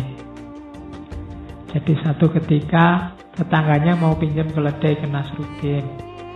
Terus Nasruddin bilang, wah keledainya tidak ada, baru dipinjam orang lain. Tiba-tiba keledainya meringkik.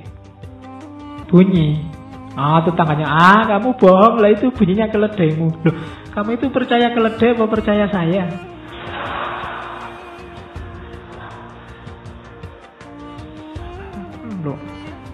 Aku ini kan kiaimu kan boso kasare ngono. Aku ini kan mulahmu, kok kamu malah percaya sama keledai? Oh, itu sindiran luar biasa tentang kebenaran. Kebenaranmu itu kebenaran kenyataan atau kebenaran hanya ikut. Yang tadi keledai ngeringkik itu kan jelas kenyataan fakta keledainya ada. Meskipun mulahnya bilang tidak ada. Tapi kebanyakan orang lebih percaya sama mullah ini. Kenapa? Karena mullahku, kiaiku. Jadi kalau sudah jelas terbang ya itu burung dan pasti bukan kambing. Tapi kalau ustadzmu bilang ini adalah kambing kan kamu terus biasanya melu ya berarti yang benar adalah kambing. Padahal itu sudah jelas terbang. Dan itu yang sering terjadi hari ini. Jadi kita tertipu oleh patron-patron. Loh untuk hal-hal yang kamu belum tahu ya kamu boleh percaya pada otoritas. Tapi kalau kamu sendiri sudah tahu fakta kebenarannya ya jangan ikut. Kalau kamu sakit kamu ke dokter. Dokter bilang apa ya kamu manut saja wong kamu tidak tahu ilmunya. Tapi kalau kamu pas tahu ilmunya dan dokternya salah, ya tidak apa-apa kamu bantah dokternya. Cara berpikir ini di tengah masyarakat tidak populer. Begitu ada orang bantah dokter terus dianggap mesti yang bantah itu ngeyel. Loh, siapa ngerti yang bantah ini memang ngerti ilmunya, tahu faktanya, ngerti jelas dia keledainya, wong ada bunyinya. Meskipun dokternya bilang tidak ada. Itu hikmah dalam dari cerita anekdotnya Nasruddin. Jadi jangan tertipu oleh otoritas. Untuk hal-hal yang kamu tidak pahami ya. Makanya agama melarang taklid buta. Taklid buta itu tidak ngerti siapa yang kamu takliti, tidak lihat konteks, porsi, dan proporsinya. Dalam agama tidak boleh. Kalau kamu punya kemampuan mengakses dalil, akseslah dalil. Tapi kalau kamu tidak mampu, jangan gaya ngomong dalil. Kan itu porsi dan proporsi yang tepat. Terus, nah ini ini juga sindiran untuk masyarakat. Jadi satu ketika Nasruddin ini pamer anggur sambil bawa keranjangnya anggur dia lewat. Di jalan banyak anak-anak kecil. Terus anak-anak itu minta Nasruddin bu aku dikasih anggurnya. Akhirnya oleh Nasruddin ngambil anggur satu nih buat bareng-bareng. Terus anak-anaknya protes, mau ngasih kok cuma satu, mbok yo ya yang banyak. Alah, yang satu itu rasanya sama saja dengan yang lain.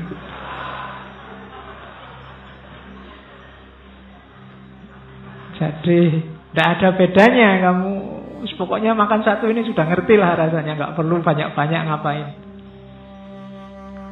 Nah, ini sindiran buat kita yang sering bilang kualitas itu lebih penting daripada kuantitas. Apa iya? Pak saya sodakoh 5 ribu enggak apa-apa yang penting ikhlas. Daripada 100 ribu tapi enggak ikhlas. Kalau takmir masjidnya 100 ribu aja enggak ikhlas enggak apa-apa. Kan begitu. Kita sering begitu kita sering kalkulasi kualitatif. Pak saya sholatnya agak telat-telat kan enggak apa-apa Pak. Yang penting hati saya selalu nyambung dengan Allah. Poyo begitu yang kejadian kan kamu ya karena sholatnya telat ya sholatnya ke susu yang penting beres. Tidak mungkin ada sambungannya sama Allah. Jadi kuantitas juga menentukan kualitas. Bacalah wirid ini satu malam seratus kali. Oh enggak pak, saya baca tiga kali aja yang penting mantep pak. Itu kualitasnya sama kayak dibaca seratus. Biasanya yang kejadian ya kamu baca tiga kali tapi ya enggak mantepnya sama kayak kamu baca seratus kali. Biasanya kamu gayanya di situ. Saya sholat sekali sudah kusuk pak dibandingkan yang sholat terus-terusan ditambah sunnah-sunnah itu paling hatinya ke mana-mana. Nah, padahal ya sholatmu yang sedikit itu ya biasanya kualitasnya sama saja. Nah, itu sindirannya dari ceritanya Nasruddin. Kalau Nasruddin Allah satu aja kan rasanya sama kayak yang lain, tapi tidak ada bedanya. Jadi kuantitas tidak sama dengan kualitas dan tidak selalu kualitas lebih penting daripada kuantitas. Istri satu cakep atau istri empat tapi standar-standar semua. Misalnya, kan ada yang nggak selalu, ada yang nggak selalu orang bilang satu aja yang enggak. Mesti ya mending empat pak menang jumlah misalnya. Itu kan macam-macam orang. Jadi rumus bahwa kualitas selalu lebih penting dari kuantitas tidak selalu relevan. Lihat kasusnya. Alana kamu satu bulan sudahlah uang sakunya 50 ribu saja. Asal kamu beli yang bergizi-bergizi kan enggak apa kalau kamu kan enggak, ya harusnya ya tetap satu juta tapi yang bergizi-bergizi. Jadi ya banyak, ya ikhlas. Bukan hanya kualitasnya saja. Di cerita selanjutnya. Nah ini cerita tentang Nasruddin yang jadi guru sufi. Jadi Nasruddin itu biasanya murid-muridnya di belakangnya terus baca wirid bareng-bareng. Kalau itu kan wiridnya hu, wiridnya sufi sambil teriak sambil lalu bareng-bareng dan lewat di tengah-tengah pasar terus orang pasar tanya eh Nasruddin kamu ini lagi ngapain sama muridku sama murid-muridmu loh sekarang aku jadi sahnya sufi mereka ini murid-muridku Aku yang bantu mereka dapat pencerahan. Makanya di tengah pasar pun bareng-bareng wiritan hu hu. Nah, mungkin Allah Allah la ilaha bareng-bareng keras-keras. Sambil loncat-loncat. Mungkin kalau sekarang sambil geleng-geleng. Terus pertanyaannya temannya, loh.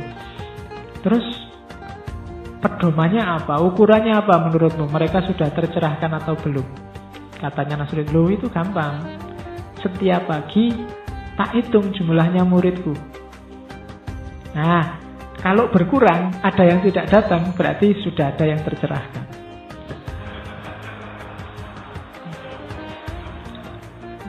Kan sindiran tadi. Jadi sudah tak ajak wirid yang aneh-aneh. Nah, kalau ada yang keluar, alhamdulillah sudah ada yang tercerahkan satu. Jadi itu kalau bahasa sufinya pencerahan via penyangkalan. Jangan salah. Jasanya kadang-kadang orang-orang jahat, orang-orang sesat itu membuat kita tercerahkan. Malah kadang-kadang gara-gara perbuatan jahatnya orang tertentu kita jadi sadar. Nah, itu pencerahan via penyangkalan, kebalikannya. Karena benci dengan filsafat, akhirnya belajar fikih dan akhirnya jadi ahli fikih. Itu kan pencerahan via penyanggalan. Karena bosan sama filsafat, sama fikih, kamu mangkal sama fikih terus belajar filsafat dan tercerahkan di filsafat. Itu kan awalnya karena menyangkal. Jadi kebalikannya. Biasanya kan orang karena ikut terus tercerahkan. Ada kalanya orang karena menyangkal terus tercerahkan. Karena tidak suka terus tercerahkan. Atau sebaliknya. Karena suka atau tidak suka terus tersesat. Begitu kamu lihat ada koruptor di penjara, terus kamu merasa, wah berarti aku ini termasuk orang yang bersih loh ya. Jadi sesat. Tapi hal yang sama bisa membuatmu lurus tercerahkan. Oh berarti itu jelek. Aku tidak boleh yang semacam itu. Nah, itu tercerahkan dari menyangkal. Jadi kayak muridnya Nasruddin tadi. Nasruddin ngawur ngajak itu manut baik. Nah, berarti yang sudah tidak manut dia yang tercerahkan. Jadi kapan-kapan saya mau ngitung yang ikut ngaji ini. Ya, kalau ada yang sudah tidak masuk, berarti Alhamdulillah sudah ada yang tercerahkan. Ya, kalau mulai berkurang, kok malah banyak, berarti banyak yang tersesat ini nanti. Jadi semakin berkurang isinya, semakin tercerahkan. Ini juga ceritanya terkenal. Cerita periuk beranak. Jadi satu ketika Nasruddin ini pinjam periuk sama tetangganya. Saat dia pinjam, pinjem pertama dikembalikan dikasih bonus panci sama Nasruddin. Tetangganya heran, loh kok ada pancinya ini gimana Nasruddin? Alhamdulillah periukmu beranak.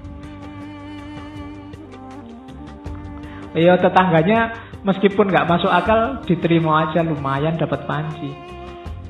Tapi besoknya pinjem periuk lagi Nasruddin sama tetangganya dipinjemi lagi mungkin bayangannya lumayan nanti dapat bonus beranak lagi kan lumayan tapi berapa hari ditunggu tidak dikembalikan. Ditagih ke rumahnya, ini Nasruddin, periuknya yang kamu pinjam mana? Innalillahi wa inna ilaihi roji'un. Periukmu meninggal. Wow, marah tetangganya. Mana mungkin ada periuk yang meninggal? Loh, kalau bisa beranak kan bisa meninggal.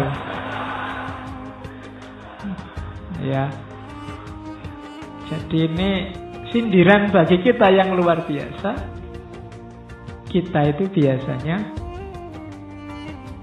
hidup kita diatur oleh suka dan tidak suka. Bukan oleh kebenaran-kebenaran yang kita yakini. Tetangganya Nasruddin tadi yakin benar bahwa tidak mungkin periuk itu bisa beranak. Tapi karena dia untung dari situ, diem aja dia. Begitu dapat yang rugi dia baru teriak. Hidup kita sering begitu. Kadang-kadang salah-salah dikit tidak apa-apa, dosa-dosa dikit tidak apa-apa, sing penting untung. Bikin cerita-cerita palsu, berita-berita palsu tidak apa-apa, sing penting menang. Kecuali kalau aku yang dirugikan, baru aku teriak. Itu pelajaran pertama dari cerita periuk beranak itu. Dan kita sering ada di sini. Wong kamu sudah ngerti itu tidak boleh, itu curang, itu dosa, tidak apa-apa pak. Yang penting nanti saya dapat untung, yang penting nilaiku tinggi, yang penting orang terkesan. Itu nyari keuntungan. Yang kedua, peran akal. Akalmu itu biasanya datangnya belakangan untuk menjustifikasi kepentinganmu akalmu mengiyakan meskipun nggak masuk sebenarnya kok ada periuk yang beranak tapi kemudian dia menyangkal ketika periuknya bisa meninggal padahal secara logis harusnya bisa beranak bisa meninggal tapi kamu beda pandangan kenapa? karena beda kepentingan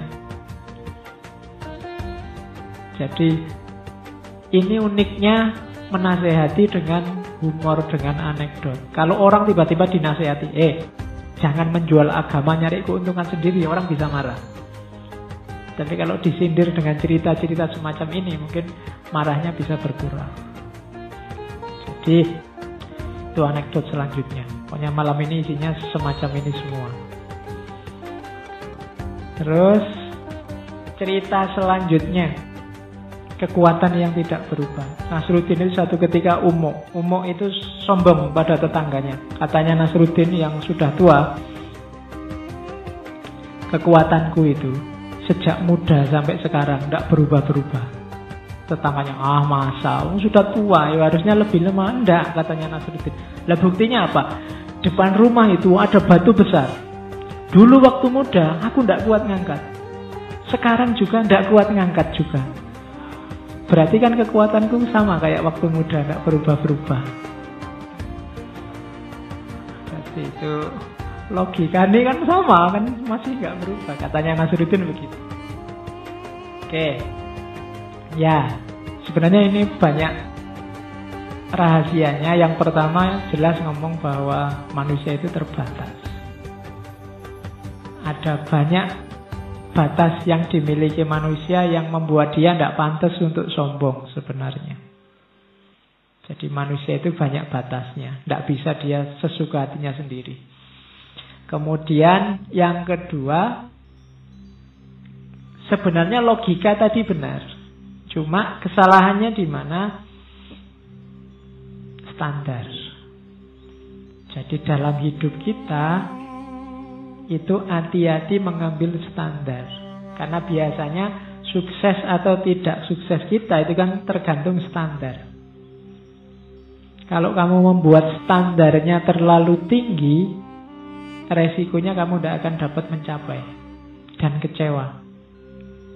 Kalau standarmu terlalu rendah, resikonya potensimu tidak tersalurkan secara maksimal. Maka membuat standar hidup itu yang realistis. Meskipun ideal.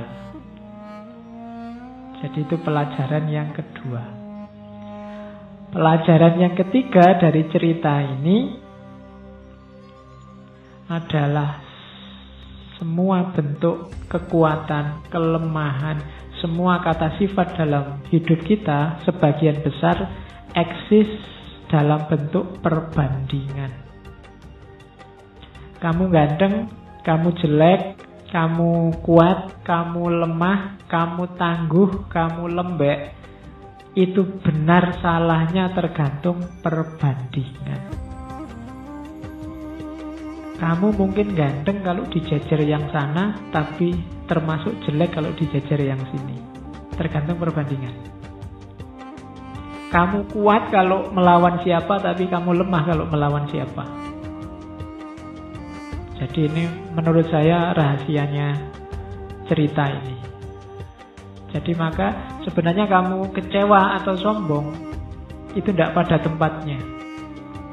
Kenapa? Karena yang layak kamu sombongkan itu pasti ada yang lebih tinggi dan kekecewaan, kerendahan dirimu itu ada yang sebenarnya bisa kamu banggakan. Tergantung kamu membandingkannya ke mana. Kamu tergolong cerdas kalau dibandingkan yang kuliahnya ranking berapa.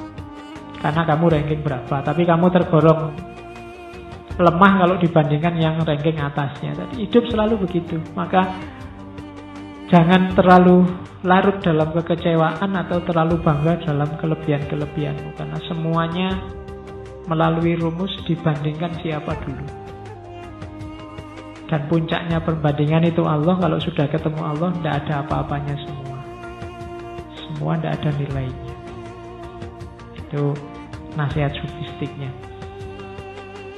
Masih ada lagi.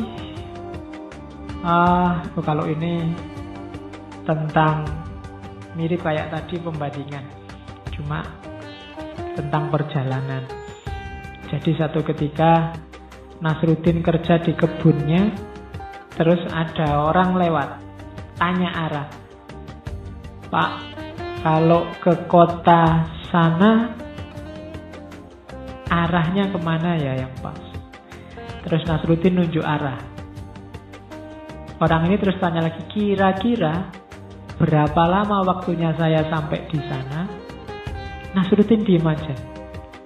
Orang itu tanya lagi, eh pak, berapa lama saya sampai di kota sana? Dicueki sama Nasruddin, Nasruddin malah kerja lagi. Orang itu muangkel marah-marah, dasar. Terus dia jalan. Begitu dia jalan berapa langkah, tiba-tiba Nasruddin teriak, tiga jam. Orang itu sambil jengkel, lah kenapa tadi diam saja? Jawabnya Nasruddin, lu saya kan harus lihat kecepatanmu jalan. Jadi saya baru bisa jawab. Kalau kamu cepat mungkin bisa dua jam. Kalau dengan kecepatanmu itu ya tiga jam. Ya. Jadi jangan kesusu marah, wong belum selesai. Jadi ya ini sebenarnya ajaran tentang jalan hidup. Hidup itu akan terarah yang pertama kalau arah yang kita tempuh benar. Kemudian ada penunjuk jalan yang tepat dan kita jalani dengan sungguh-sungguh dan serius. Jadi pastikan hidupmu punya arah.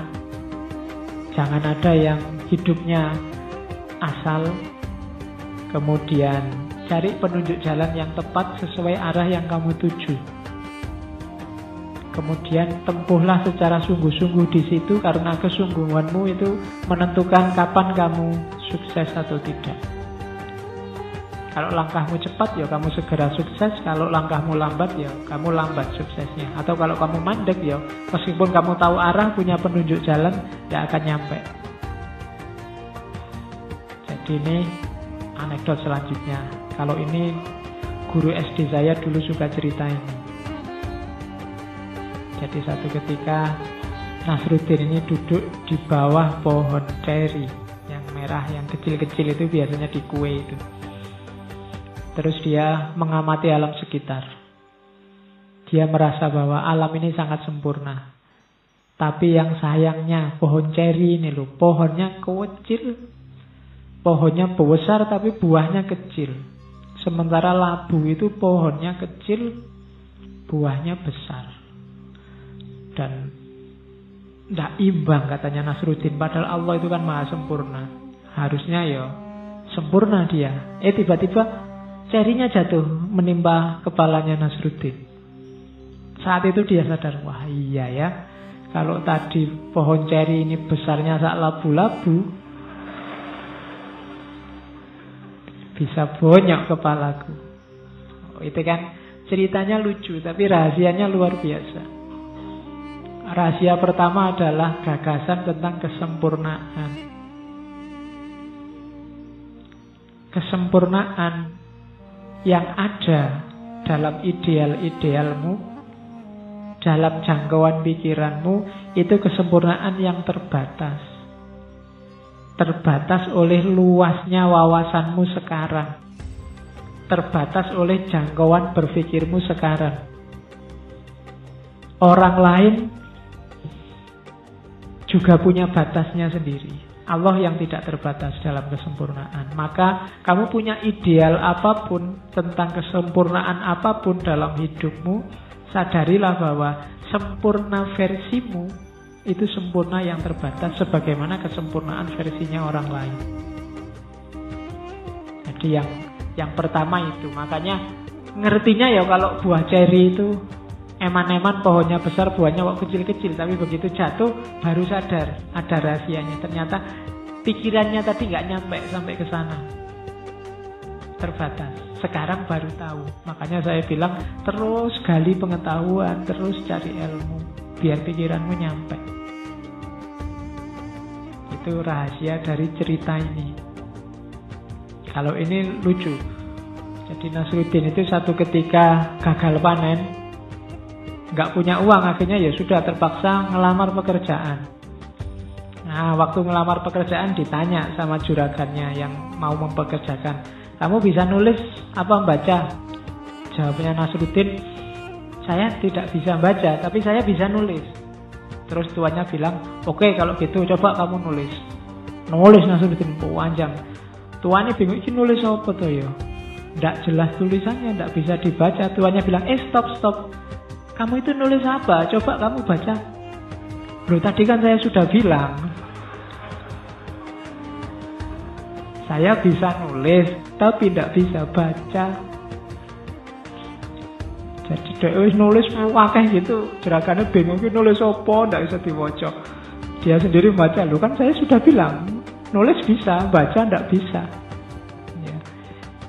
Itu ceritanya lucu, tapi sebenarnya hikmahnya sangat filosofis. Banyak loh dalam hidup orang yang nulis bisa. Tapi membaca tidak bisa. Yaitu orang-orang yang hidupnya asal. Tidak punya refleksi. Tidak pernah memikirkan tindakannya ini pas apa tidak, sesuai apa tidak. Dia tidak bisa membaca dirinya sendiri.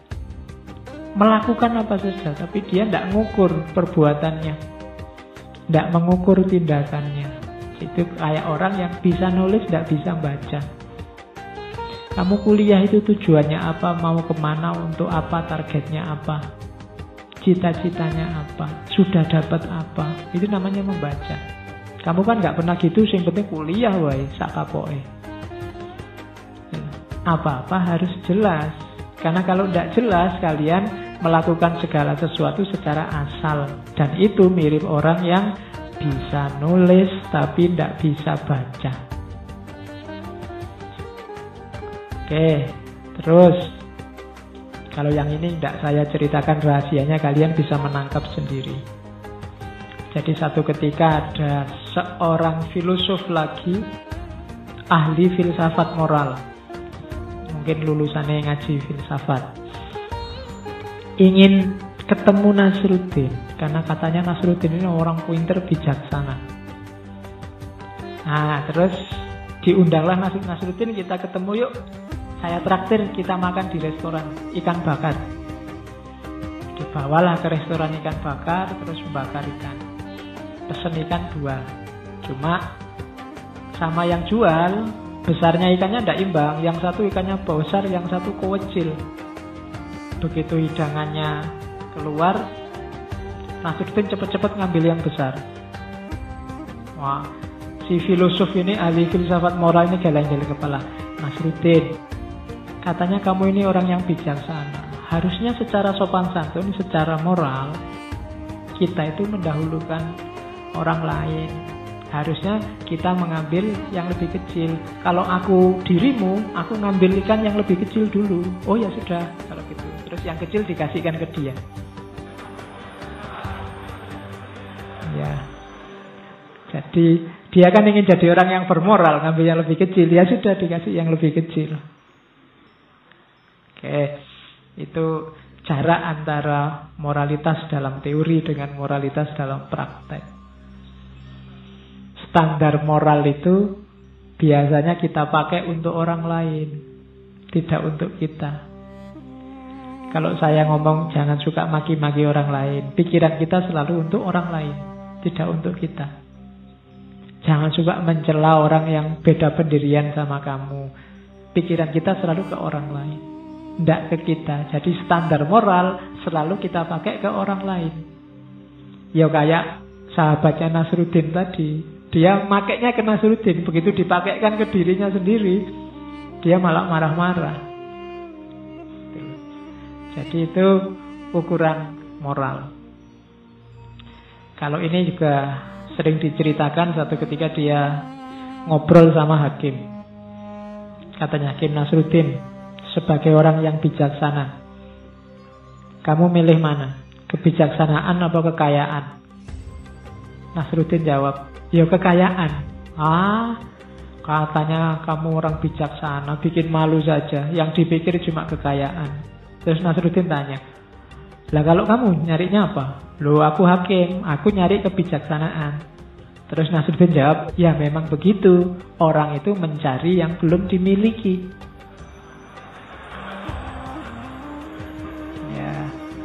Katanya Nasruddin loh, kalau kebijaksanaan aku punya, kekayaan yang belum. Jadi kalau ditanya mau kebijaksanaan apa kekayaan, ya kekayaan.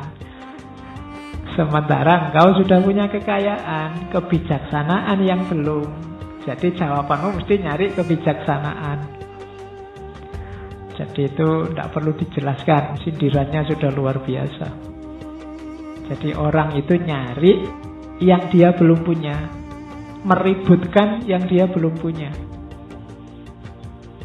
Jadi kadang-kadang dunia itu kebalikannya. Orang yang teriak-teriak, apalah, jangan sebut gelar saya, jangan sebut haji saya, jangan sebut dokter saya. Tiap hari ribut itu. Sebenarnya dia tiap hari mikir tentang gelar. Kalau sudah nggak sibuk dengan gelar, kamu sebut nggak kamu sebut urusanmu. Bagiku nggak penting. Bedanya di situ. Justru orang yang nggak meributkan itu, mari kita panggil. Saya kan sering dipanggil sekarang kiai, haji, ustadz, doktor. Ya tak jarke wae ben seneng sing manggil. Padahal mungkin kalau di rumah orang pada ketawa. Kayak ini ustadz, Wah, saiki Kiai Haji Rek mesti gitu kalau di rumah saya di Surabaya itu diketawain. Jadi cuma nggak usah diributin ngapain. Kalau masih diributkan berarti kita masih sibuk dengan itu. Meskipun sibuk untuk nolak itu sama saja pikiran kita masih sibuk di situ. Yang nggak penting ya posisikan sebagai nggak penting. Kita akan sering begitu. Yang nggak penting nggak penting. Jadinya kok malah jadi perdebatan utama. misalnya salaman cium tangan. Itu bagi kamu kan boleh cium tangan boleh tidak pendapat tuh kan begitu. Tapi begitu ada orang nggak cium tangan kamu marah. Atau ada orang cium tangan kamu protes. Lo katanya tidak penting. Mbak sudah nggak usah dibahas. Bahas yang penting-penting saja. Oke itu anekdotnya. Kalau ini bagus untuk nyindir pemerintah DPR dan lain-lain. Jadi Nasruddin itu satu ketika lihat istana kok sibuk luar biasa ya. Nasruddin mendekat, tapi begitu mendekat dia diusir. Eh jangan deket-deket. Lu ada apa katanya Nasruddin? Ini raja sedang menerima tamu, tamu agung ini dari negara luar banyak. Ini ada pembicaraan penting. Jadi kamu harus pergi, katanya Nasruddin. Lu kenapa sih harus menjauh? Lu ini pembicaraan ini menyangkut nasibnya rakyat. Nah, kita tentara ini untuk menjaga biar nggak ada yang masuk dan mengganggu. Jadi kamu pergi saja. Mas Rudin, ya wes saya pergi. Tapi coba kamu pikir, gimana kalau yang mengganggu dan menyusahkan rakyat itu justru yang di dalam sana? Yang kamu jaga siapa terus? Jadi itu kan sindiran. Ini kan menjaga biar penjahatnya tidak masuk. Tapi kalau penjahatnya sudah di dalam gimana? Yang di luar jaga apa? Itu sindiran pada mereka biasanya. Jangan-jangan biang keroknya, biang keladinya di sana. Tidak di rakyat yang diusir-usir misalnya. Itu kan sindirannya Mas Ruti. Terakhir, ini mohon maaf, ini tak ambil dari bukunya Idrisa. Ini tidak nyindir loh ya. Memang cerita paling awal di bukunya Idrisa yang The World of Nasruddin itu begitu. Makanya saya ambil langsung Inggrisnya. Better bit than yours tentang jenggot. Jadi ada seorang imam yang ceramah all through the footage wear a beard. Jadi seorang hamba yang sejati itu harusnya punya jenggot. Show me, a thick and lustrous. Coba lihatlah para ulama yang jenggotnya panjang, atau carilah orang yang berjenggot panjang dan aku tunjukkan bahwa yang jenggotnya panjang ini imannya lebih dalam. Nasruddin terus angkat tangan. Syekh, kambing saya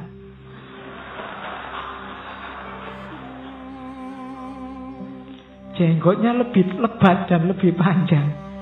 Apa berarti Islamnya lebih sejati? Ya. Oh itu bukan saya loh ya, Nasruddin. Dan itu saya tidak ngarang, itu ngambilnya dari bukunya Idrisah. Kamu cari sendiri. Jadi ini kelakuan keberagamaan kita selama ini, ini sebenarnya hubungannya sama standar. Kita mungkin salah ngambil parameter. Islam yang baik, Islam yang benar itu harusnya seperti apa? Itu hari ini banyak orang yang salah parameter. Ayo belajar lagi, harus sinau lagi tentang gimana jadi muslim yang baik, jadi muslim yang benar. Yang jenggotnya panjang, baik. Tapi tidak bisa jadi ukuran dia lebih baik daripada yang tidak punya jenggot. Dalam hal keberagamaan dan keislamannya. Sering saya contohkan kalau ukurannya hanya jenggot, ya kalmakwi jenggot. Kalau ukurannya kumis, unit ya itu kumisan. Jadi ukurannya jangan itu. Jangan yang artifisial. Cari ukuran yang lebih esensial, eksistensial untuk menunjukkan ini loh Islam yang sejati. Karena hari ini banyak orang kehilangan identitas karena salah milih standar. Harusnya ciri Islam itu A, B, C, D, tapi terus yang diambil D, E, F, G. Sehingga wajah Islam berubah. Itu yang membuat Islam akhirnya mahjubun bil muslimin. Yang menghalang-halangi orang melihat wajah Islam yang sejati itu orang Islam sendiri. Kenapa salah milih standar? Jadi jalan keluarnya apa? Belajar sinau lagi, ngaji lagi yang lebih banyak. Dibuka luas-luas pikirannya. Jangan milih-milih kalau untuk wawasan diperluas seluas mungkin biar tidak tertipu. Ilmu maling dipelajari biar kamu tidak kemalingan. Ilmu copet dipelajari biar kamu tidak kecopetan kan itu jangan. Jadi perluas wawasan, perluas ilmu, dan besok kalau sudah saatnya kamu memanifestasikan diri, mengimplementasikan ilmumu, cari jalan yang menenteramkan, seperti yang ditempuh oleh Nasruddin, antara lain. Yang tidak melahirkan konflik, tapi melahirkan kegembiraan-kegembiraan. Membuat orang semakin bisa menikmati hidupnya dan semakin gembira rumusnya itu. Itu yang membuat Nasruddin abadi hingga hari ini. Semua negara di banyak tempat rebutan Nasruddin dari tempatku. Dan cerita-ceritanya tersebar ke mana-mana dari barat sampai ke timur. Oke, saya kira itu cerita tentang Nasruddin. Sudah banyak sebenarnya buku-buku yang membahas yang serius maupun yang santai-santai tinggal dicari sendiri. Boleh pakai rumusnya Idrisah tadi kamu cari tujuh cerita Nasruddin kemudian jadikan pijakan untuk pencerahanmu. Oke minggu depan dan selanjutnya kita ketemu manusia alternatif yang lain yang kebalikannya dua tokoh sebelumnya. Kalau dua tokoh pertama kan yang santai-santai menggembirakan minggu depan yang sangat serius. Ya. Kita akan ketemu dengan Helena Petrovna Blavatsky atau sering dipanggil Madame Blavatsky. Ia lahir pada tanggal 12 Agustus 1831 dan meninggal pada 8 Mei 1891 adalah seorang okultis Rusia Jerman.